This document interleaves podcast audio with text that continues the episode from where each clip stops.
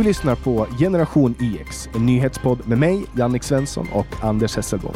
Den här podden presenteras och produceras av tidningen Bulletin. Om du vill vara först med att höra nya avsnitt av Generation IX får du tillgång till dessa genom att bli pluskund på bulletin.nu. Då får du samtidigt tillgång till allt premiummaterial och alla Bulletins poddar före alla andra. Du kan ladda hem Bulletins app gratis och du hittar länkar i beskrivningen till det här avsnittet eller på vår hemsida www.genyx.se. Och eh, jag som inte heter Jannik Svensson heter Anders Hesselbom och med mig, som inte heller heter Jannik Svensson, har vi Luai Ahmed. Varmt välkommen till podcasten Generation YX. Tack så mycket Anders, jag är ju ganska ärad just nu. Men du, får jag, är det okej okay om jag ställer en personlig fråga? Ja, absolut. Kör. Hur gammal är du? Hur gammal tror du att jag är? Eh, nej men vad jobbigt det blev nu. 30? nej, jag är faktiskt 28. Ja, ja, så i Janniks ålder, det passar ju alldeles utmärkt bra. Ja, precis, men jag kommer inte kunna liksom göra lika bra jobb som honom, för han är liksom Äsch. den proffsiga här. Äsch. För våra lyssnares skull, kan du berätta lite kort om dig? Oj, jag gillar inte att prata om mig själv, men vad, vad, ska man säga om sig själv? Eh, det finns ett bra citat liksom, eh, där det står så här, I don't like defining myself, I just am. Och det är lite så jag känner kring det här. Men jag skulle säga att jag är en eh, skribent, en mm. författare, mm. har kommit ut med en bok i år och mm. skriver flera böcker samtidigt och krönikor också um, i Bulletin. Och um, jag har även blivit uh, debattchef i Bulletin så jag, um, det är kul att liksom kontakta folk och försöka få in debattartiklar om diverse ämnen. Från olika människor, olika perspektiv, vänstern, centern. Och jag, jag är ganska engagerad i samhällsdebatten. Jag är ju invandrare också om ni inte hör min uh, brytning.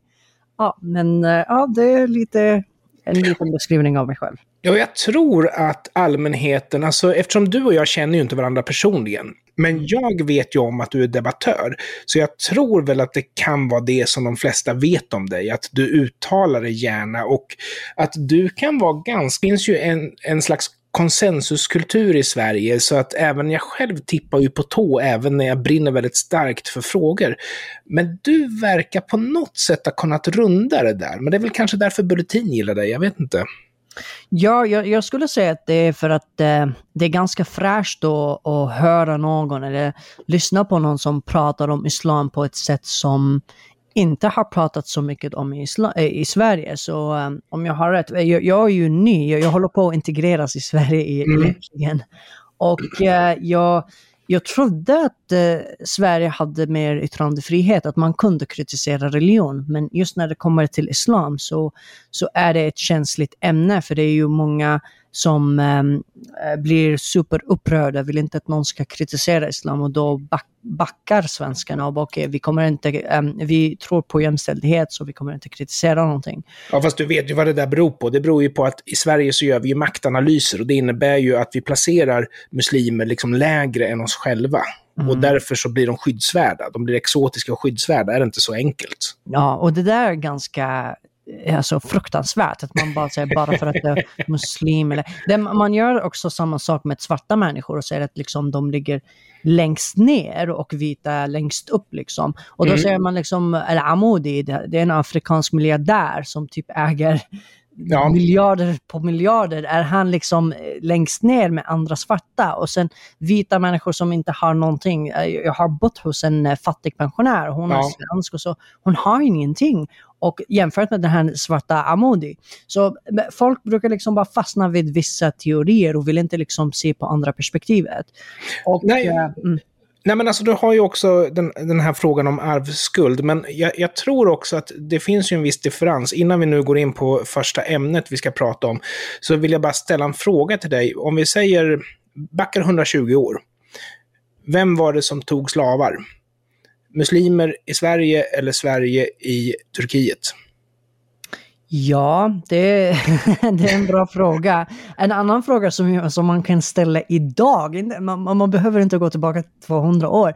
Vem är det som förslavar svarta idag? Mm. I, I Mauritanien, där har du eh, 30% av befolkningen är svarta slavar. Det Ja. här är idag, det är ingenting som typ hände för hundra år sedan. Samma grejer händer i Oman och Qatar och Saudiarabien Arabien på sättet som de behandlar pakistanier och andra utländska arbetare. Mm, Den, mm. den rasistiska synen på andra människor är, ga- är ganska populärt och trendigt i andra länder. Det är Europa som har kämpat emot det och etablerat liksom genom Förenta Nationerna liksom, jämställdhet, alla människors lika värde och så vidare. Så långt har vi inte kommit i många delar av den ehm, arabiska och, och de afrikanska kulturerna. Och, nej, och vet du varför jag tror att Norden är ett populärt land att eh, komma till när man söker skydd? Alltså det är ju inte det att man... Jag vet inte om, om det, det, Det, är inte så populärt. Det finns, det finns pullfaktorer. Ja. Och de pullfaktorerna kan vara liksom tryggheten, eh, ekonomin, eh, barn, det är liksom bästa delen av världen. Och, eh, och, Ja, men det var dit jag ville komma. Det var dit jag ville komma. Jag tror nämligen att det som gör oss attraktiva till den graden vi är attraktiva, det är ju att vi har lämnat mycket bakom oss och blivit ett modernt land. Sen Ja. idag så har vi en slags backlash som är lite grann, ja, du kan ju alla termer för du har varit i debatten så länge, låga förväntningars rasism och alltihopa det där. Mm, mm. Innan vi öppnar första ämnet, håller du med mig om det? Det är Ah, okej att säga nej. Ja, det är okej. Jag skulle säga att jag, jag, jag, folk uppfattar mig som höger. Så de säger, Mm. ja, jag, säger stäng gränsen, vi vill inte liksom fortsätta ta emot invandring och jag eh, kritiserar det, eh, liksom hånandet av den svenska kulturen och så vidare. Då säger folk att jag är höger och superhöger. Mm.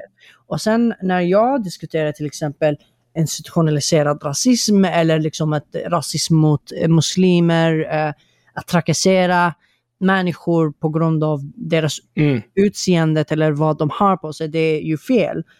Um, men när, jag säger sådana saker så då säger mina vänner att jag, uh, att jag vänsterbliven. Sorry. Och, och, och, det är ju ganska anmärkningsvärt, för det borde vara ganska självklart. Man hoppas ju att en person som är höger också skulle tycka att det var självklart att så gör man inte i Ja, ett exakt. civiliserat samhälle.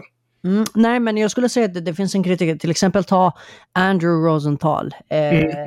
som är vår chefredaktör. När han pratade om institutionaliserad rasism, då pratar han om typ eh, inva- eh, faktumet att det, är svårare för invandrare att hitta jobb med eh, utländska namn eller Mm. utländskt ringande namn. Och eh, det, det är ju det som eh, syftas på när man pratar om institutionaliserad rasism. Det betyder inte att liksom alla svenskar hyser rasistiska åsikter. Men om, bara för att han säger det så, han, så blev han superattackerad av väldigt många. Men alltså det, där är liksom ett helt, eh, en helt annan debatt Mm. och ett ämne. Men jag är inte höger, jag är inte vänster. Jag skulle säga, det, jag, jag skulle säga kanske att jag är liberal, men jag, jag, tror, jag tror inte på höger, vänster. Nej, men alltså jättebra, jättebra. Men vi får väl säga som så, alltid opposition. Jag tror att det är någon annan som har den sloganen, så det kanske vi inte heller ska säga. Men du, om vi ska ge oss in på eh, veckans nyheter som har gått. Och nu var det ju ett tag sedan som den här nyheten läckte om att eh, Tranemo kommun, de anställer en poet som ska jobba. Och han ska, ja i princip då, ta poesin till folket. Det här kostar inte Tranemo kommun ett enda öre. Det kostar staten 900 000 kronor, men det är ju en del av kulturbudgeten. Och eh, min uppfattning, eftersom nu den här eh, frågan har fått ligga och skvalpa ett tag, är ju att det finns å ena sidan de som säger att det här är välfärdspengar. Mm. Om det ska vara en kultursatsning så ska den ju vara bredare och större än så här, för man kan få mycket mer för 900 000 kronor. Mm. Å andra sidan så har du de som säger att ja, men nu är ju äntligen poesi tillgängligt för Tranemoborna. Men jag menar, de har ju sin möjlighet att köpa poesi av döda träd, liksom pappersform som vi brukar säga. Hur... Du måste ju ha hunnit fundera på det här. Hur ställer Ja. du dig till det? Nej, jag, jag kollade upp det och det visade sig att det är bara 3000 människor som bor i den. Ja, det är en anmärkningsvärd liten detalj. Och dessutom är det ju också så här att boken kommer ju förmodligen vara tillgänglig för vem som helst. Och då Mm. helt plötsligt börjar jag känna, vänta här nu, den kommersiella marknaden kunde ha lyft den här pucken. Det hade inte skattebetalarna behövt att göra, eller? Ja, alltså jag, funderar lite så här liksom. Det är en sån stor summa. Får Mm. alla olika kommuner liksom sats, alltså, få så mycket pengar av staten? Nej, men däremot så är det ju så att eh, man får ju ansöka om sina projekt och vi har ju en, en nämnd som godkänner pengar. Det är precis så här film går till i Sverige. Mm. Alltså, I Hollywood så är det ju marknaden som producerar film. Hitta en producent som är beredd att betala för en idé han, för en idé han tror på. Men i Sverige så är det ju staten som tillverkar film. Och anledningen till att det är så, det är ju att marknaden, alltså skatterna är ju så höga som marknaden är satt ur spel. Ska vi tillverka film så måste staten sköta det liksom. Just det. Mm. Men om du kan förklara vad är det som är så konstigt med den här nyheten? Är det för att Mm. Är bara, det är bara 3000 människor som bor där? Vad är liksom det som är så upprörande om den här nyheten? Jag skulle säga som så här, om, om, om jag får vrida till det lite grann. Kan jag få en flaska kommunalchampagne, en skön kommunalfåtölj och sen så kan jag få låna den här poeten som kan få stå och, och läsa dikter för mig. Alltså det som är provocerande är ju naturligtvis att det kommer för nära människorna. Det blir för tydligt att gemensamma medel egentligen ska vara välfärdspengar, för det är ju det som är samhällskontraktet. Men vi har ju en kulturpolitik och jag tror att högern framför allt är väl lite irriterade på att vi har en kulturpolitik som kostar så pass mycket skattepengar när vi har andra hål att, att fylla. Det är min Ja. analys. Vad tror du? Ja, ja, absolut, jag håller med. Och sen, det här fick mig att tänka på den eh, Malmös En hörning, där man Mm. satsar så mycket pengar på symbolpolitik och tror att det kommer att lösa någonting när det kommer till homofobin och så där. Det, man, man försöker att lösa väldigt komplexa problem genom att bara kasta pengar på dem. Och ibland så kastar man otroligt mycket pengar och tror att det kommer att kunna lösa problemet, men det gör det inte. Nej, och man kan ju också säga som så här att även när beloppet är litet så handlar det om principer. För Mm. jag menar, för mig är det ju väldigt billigt att slänga en hundralapp i papperskorgen. Men det handlar ju om principer. Anledningen till att jag inte gör det, det är ju för att det är mina pengar. Men handskas man med andra pengar så kanske effekten man förväntar sig på effekten man förväntar sig av det är lägre och man tycker ändå att det är värt det för att det inte är riktigt mina pengar. Det kommer in Mm. nya skattepengar hela tiden. Precis. Men jag, jag, är bara chockad över att det är 900 000. Det är, alltså vad ska den här... Jag, jag, jag måste veta, jag måste bara veta. Är det, det är inte liksom en, en månadslön? Var det liksom ett års lön? Eller vad, vad, var, var ska pengarna gå egentligen? Ja, jag får ju hoppas att det var en årslön. Så jag Ja. vet faktiskt inte hur långt eh, det sträcker sig. Men jag kan tänka mig också att om det är kortare så ska ju förmodligen pengarna täcka annat. Jag menar, det är ganska Mm. billigt att trycka poesiböcker idag. Så det kan ju vara så att det är kortare uppdrag men att det också ska generera en massa fysiska böcker. Mm. Men det coolaste är ju om man fysiskt åker runt till ställena och läser poesi. Då får vi valuta för pengarna. Och då tycker jag ju som sagt, då kan han ha med sig lite fin champagne eller någonting Ja. Men du, känner du dig nöjd där? Får jag byta ämne? Ja, vi får byta ämne. Jag, jag tänkte bara säga att det är ganska sött att uh, Tranemo-borna är ganska po poetiska liksom, eller romantiska. Det, det är så vi kommer att komma ihåg dem nu. Ja, och, och som sagt, jag är inte helt negativ till det här. Jag är negativ till själva konceptet med att staten bestämmer vart kulturpengar ska gå. Så det får vara mitt sista ord. Och du får en sista chans att opponera dig innan vi släpper det. Ja, jag, jag håller med, jag håller med. Jag tycker inte att staten ska hålla med på, med, med kultur. Det är för folket som ska hålla på med kultur. Mm. Men tror du att Miljöpartiet skulle hålla med? Det fanns ju faktiskt, alltså Miljöpartiet har haft stämma och det var det var spektakulär läsning att titta på alla de förslag som de röstade om. Och Mm. Allting handlade om förbud och kontroll och kontroll och förbud. Och som tur är så gick ju det mesta inte igenom. Men ett av de förslag som kanske var konstigast att det togs upp var just det här att man ville ha en regel som säger att 15 minuter av varje nyhetssändning skulle handla om klimatpolitik.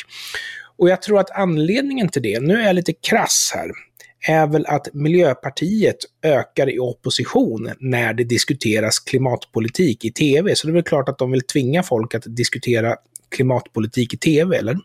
Ja, men alltså det, det som är så konstigt med det här är att det, det är ju faktiskt så att SVT styrs redan typ av Miljöpartiet. När man ser på, eller deras ideologi i alla fall, när man kollar på Göteborg universitets forskning från 2006 så var det typ 50 eller 60 procent av eh, Mm. SVTs eh, anställda som sympatiserade med Miljöpartiet. Och även om du fast forward till 2019, de siffrorna är fortfarande väldigt höga och de som sympatiserar med högern är ungefär 8 procent trots att det är mer än 50 procent av svenskarna som röstar på. Och att de vill gå ännu ett steg längre och kontrollera liksom nyhetsrapporteringen och så vidare. Det, det bara visar på vilket eh, totalitärt sätt de kör egentligen. För du vet, om man tror, om jag tror att jag, jag, jag har rätt 100%, det blir Mm. typ som att eh, det blir en, en, en religiös upplevelse. Så det, det, Ah. det, är inte, det är inte miljön som de kämpar för just nu, det, de kämpar för Gud. Liksom. Det, det har blivit så pass starkt. Men jag tror att de själva tror väl att de har på något sätt planetens väl i sina händer. Ja, och sett ur det perspektivet så blir deras agerande begripligt. Men däremot så är det ju så att de har ju inte miljön i sina händer. Du har ju fullkomligt rimliga åtgärder för att vara rädd om klimatet. Till exempel Cementa. Om det är så att vi lokalproducerar betong på ett miljövänligt sätt så gör vi en, en bättre insats för miljön än om vi importerar miljöfarlig betong ifrån Turkiet. Man kan säga samma sak om dieselpriserna. Jag menar, mat kräver ju diesel för att bli producerat. Om det är så att vi höjer dieselpriserna så blir det mer gynnsamt för kunderna att köpa billigt utländskt kött. Vilket varken är bra för djuren eller för miljön. Mm. Och så vidare. Mm, mm. Nej, jag, jag håller med. Jag tror att, som vi sa tidigare, att det, det är liksom de försöker och um, det är ju symbolpolitik. Jag skulle Ja. säga det värsta som svenskarna är på, eller det, det, någonting som sven- svenskar har svårt för, är konsekvensanalys och, och att titta utanför Sverige. Man, man Mm. tror att Sverige är liksom bästa landet som finns, vi gör allt bäst. Och då kan man inte förstå att det finns andra länder där det behövs mycket mer jobb just i klimatfronten och alla andra fronter. Så jag tror att den komplexen som Miljöpartiet har är inte bara någonting som är miljöpartistiskt, utan den känslan, den grandiösa känslan av nej men vi gör rätt, vi kommer att Mm. rädda världen. Och jag tror att det här det man kallar för svensk exceptionalism, det vill säga Mm. att är det svenskt så är det på något sätt bra. Ja, exakt. Och är det osvenskt så är det inte bra. Men jag, jag tror att svenskar har verkligen jobbat eller fick lära sig att så är det inte. När du har liksom statsministrar som, som står och säger att den svenska kulturen är barbari och Ja. vi måste älska andra kulturer. Så det har liksom den, den svenska kulturen, eller det där grandiosa, om man ska säga rasistiska eh, exceptionalismen har nedmonterats av politiker, staten och så vidare. Och därför har eh, Sverige har hamnat i den sitsen som den är i idag, där vi inte vet vad har vi för ett land. Alla kan komma in, miljoner människor kan, kan komma in på några år. Det är på grund av den här grandiosa av, nej men vi kan bäst, vi är svenskar. Ja, framförallt så är det inte kulturen nödvändigtvis, utan det är ju myndigheterna och det svenska systemet där det är ju som man verkligen gillar. In Sweden we have a system. Det är liksom...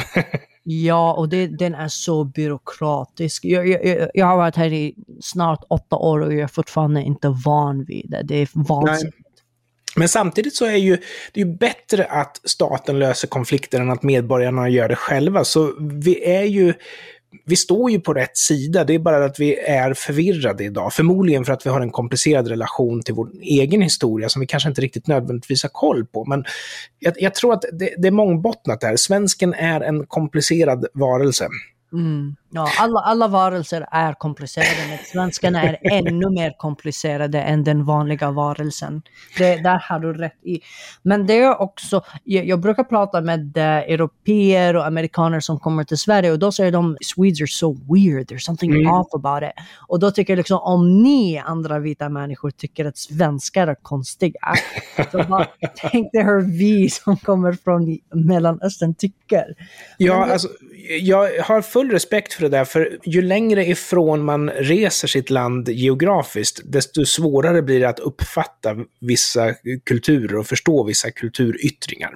Mm, mm. Ja, precis. Och, men jag kan känna igen mig när, när jag läser att liksom MP-politiker vill styra tv och det, det påminner mig om mitt hemland och diktaturer som jag kommer ifrån egentligen. Det är samma, men skillnaden jag skulle säga mellan typ eh, totalitära mm. uh, teokratier och Miljöpartiet då, är att Miljöpartiet vet inte, eller de är inte medvetna om att de faktiskt dyrkar en religion.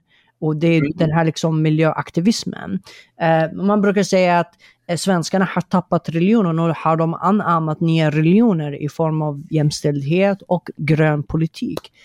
Um, Ja, eller statism om jag får kalla det så. Den, den, här, det jag menar lite grann med att man ser upp till myndigheten och väldigt. Eh, om, om jag får lägga en till grej på bordet så rapporterade Omni, de snor väl sina nyheter antar jag, jag tror att det är DN som var först med det här, att eh, SSUs ordförande Lisa Nobo, hon har uttalat sig om eh, Cementa och jag tror att det var liksom inte något snack om att det är Cementa som är boven i dramat här. Mm. Straffa dem, se till att det blir riktigt jävla dyrt att förstöra klimatet, har hon sagt. Mm. Och Cementa, det de hade gjort var ju att leverera konsekvensanalyser och allt vad det nu är för någonting. De har ju betalat ganska dyrt för att göra de här utredningarna. Så jag tycker att ska man bryta kalk så blir det ju klimatpåverkan, men det måste ju ändå vara bättre på något sätt att Cementa gör det än att andra gör det, känner jag. Mm. Ja, det, det, tycker jag. Men jag, jag, blev lite eh, förvånad när jag såg, inte förvånad egentligen, men när det var straffa dem. Det är, ganska, det, det, är liksom hardcore. Det är liksom, she wants blood, tyckte jag. Eh, mm. Men, men jag, jag, vet inte om den här liksom cementa, hur länge ska vi dröja med den här cementa-kontroversen egentligen? Nej, nu, I och med att vi behöver dem så har de ju fått eh, undantag nu att kunna fortsätta. Och nästa är ju att eh, Vattenfall jobbar ju med eh, sin ansökan om att få fortsätta att eh, skapa vattenkraft. Så det, det, kan ju bli samma strul där. Mm. Jag tror dock inte att regeringen har samma motiv att eh, stoppa vattenkraften, för den borde väl alla inse är en miljövänlig energiform. Klimatvänlig ska jag säga, för vattenkraft är inte vänligt för miljön. Det dödar ju fisk och sådana saker. Men mm. klimatvänlig är den ju i alla fall. Ja, precis. Men eh, jag, jag, tycker att det, det, det, kommer bli spännande att bevaka det här med um, hur det utvecklas. För att du vet, i Sverige har man den här idén att vi kommer att vara en del av lösningen av klimatproblemet. Ja. Och sen dyker det upp sådana här saker. Och sen, liksom, vad ska vi göra? Vi vet inte hur vi ska hantera problemet. Och då kommer man liksom med undanflykter och så. Jag måste säga att jag gillar den här nya SSU-ordföranden, Lisa. Det finns ja. någonting om henne som säger mig att hon är oavsett om vi inte håller med varandra mm. politiskt. Jag gillar människor som står på på sig själva och har sina starka åsikter. Jag håller fullständigt med. Det är, det är utrotningshotat idag. Att politiker är snarare yrkesmän än visionärer och ideologer. De borde vara mer visionärer och ideologer. Ja, det är det som du sa till mig tidigare, att jag är provokatör. Nej, jag är inte provokatör. Jag, jag ser ingenting som är kontroversiellt. Det är Sverige som är fel på. Det är ja, ja. som är ganska liksom, allt ska vara liksom eh, likt, allt, eh, allt ska, hur ska jag säga? Ja, vi gillar lika, man får inte sticka ja. ut. Vi gillar konsensuskultur. Det blir dålig stämning om någon i rummet visar sig inte rösta på samma sätt som de andra och sådär. Och jag själv har väldigt svårt att passa in, även om jag ser ut som vilken svensk som helst. Men när man börjar prata så märker man att det skaver lite grann. Man mm. förlorar vänner titt som tätt för att man, liksom, för att man tycker fel saker helt enkelt. Ja, det, det är fruktansvärt. Och det, det, är ju en splittring som blir bara den här, just den här splittringen, och röstar mm. du på det önskefulla partiet eller högerpartiet, då är du en dålig människa. Det blir bara värre och värre i Sverige. Ja, och just det här att du är rasist, därför ska du rösta på oss. Strategin som jag tror är den vi kommer få ja. leva med ända fram till valet, den tror jag inte på. Jag vill också för sakens skull säga att jag har en partitillhörighet som jag tror att många känner till och den är inte SD. Jag vill bara ha det sagt. Är det sant? Men får du säga det? Är du öppen med det? Ja, jag är inte jätteöppen med vad jag röstar på, men jag tror att många vet om det och jag vill att folk ska veta att jag inte är sverigedemokrat. Okay. Och jag inte, hoppas att... Inte jag heller. Nej, och jag, jag tar gärna strid mot mitt egna läge. Jag tror att det viktiga är ju att kritisera makt där makt finns och oppositionen är inte maktlös. De har sina inflytelsekanaler och allt vad det nu är. Jag menar, vad heter han, eh, Hanif Bali har åtminstone varit och är förmodligen fortfarande en väldigt inflytelserik person, trots att han formellt sett inte har mer än en riksdagsröst. Liksom. Nej. Och det är för att Moderaterna tystar ner honom. För att han är invandrare och Sverige är ett rasistiskt land. Nej, Ja, du, det måste jag faktiskt säga vad du tycker om det, för jag tror att invandrare som akklimatiseras och tar sig samma rättigheter och friheter som eh, inrikes födda då, eller vad ska man säga, personer som inte har utländsk bakgrund, för det finns ju många inrikes födda som ändå har en utländsk bakgrund. Men jag tror att de personerna som tar sig friheten att tala från hjärtat, de blir väldigt snabbt väldigt impopulära.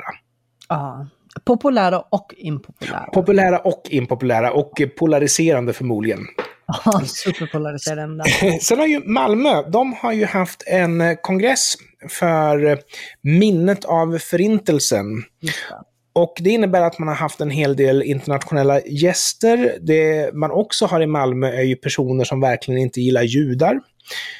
Yep. Uppenbarligen, eftersom Stadsarkivet fick för sig att det skulle bli lugnare om man helt enkelt dolde judisk litteratur och litteratur som handlade om förintelsen.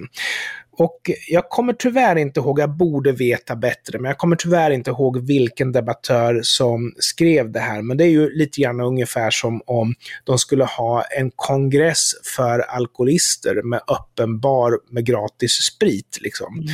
Om det nu är så att man ska prata om förintelsen så ska man väl inte täcka över judisk litteratur? Mm. Det, alltså, är är, har du någon insyn i vad som händer i Malmö? Ja, jag, jag blir förbannad. Jag, jag bodde i Malmö. Och, Oj, ja. Ja, jag bodde där i ett år och jag besökte den judiska församlingen i Malmö och situationen där är tragisk. Det, det är ungefär 300, mindre än, färre än 300 judar som bor kvar där. Och de judarna som jag, som jag känner i Malmö säger att de vill antingen flytta till Israel eller flytta någon, någon annanstans. Och det är också de judiska vänner som jag har är ganska stolta. De måste ha den David stjärnan på Mm. sig. De säger varför ska jag liksom dölja min identitet? Det, och sen blir de trakasserade av människor som kommer från Mellanöstern och arabvärlden där antisemitism är typ andra religionen efter islam. Mm. Och jag tror att det där är nog en ganska mänsklig grej, att när man är förtryckt för den man är så blir man på något sätt ännu mer stolt över vad man faktiskt är. Och det där var också en sån här tidig diskussion som vi hade i Sverige, om vi backar till 90-talet, ja men om vi tar in invandrare så kommer julen försvinna. Ja.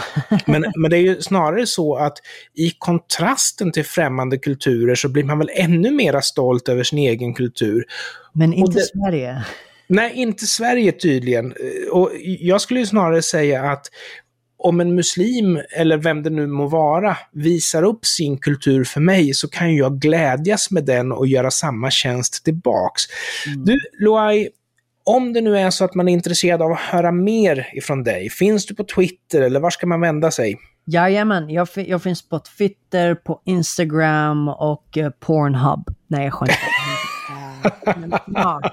Hur hittar man dig på Twitter? Eh, jag heter snabela just Loai. Strålande. Och jag vill tacka dig jättemycket för att eh, du gav oss den stora äran att få ha med oss i podcasten Generation YX. Och eh, jag vill också säga att det bästa sättet ni kan göra för att stödja den här podcasten, det är att bli pluskund på Bulletin. Och då får ni dessutom lyssna på den här några dagar tidigare än gratislyssnarna. Några avslutande ord? Nej, men eh, tack för att jag fick vara med. Hoppas att det inte är sista gången. Tack så mycket. Hej då.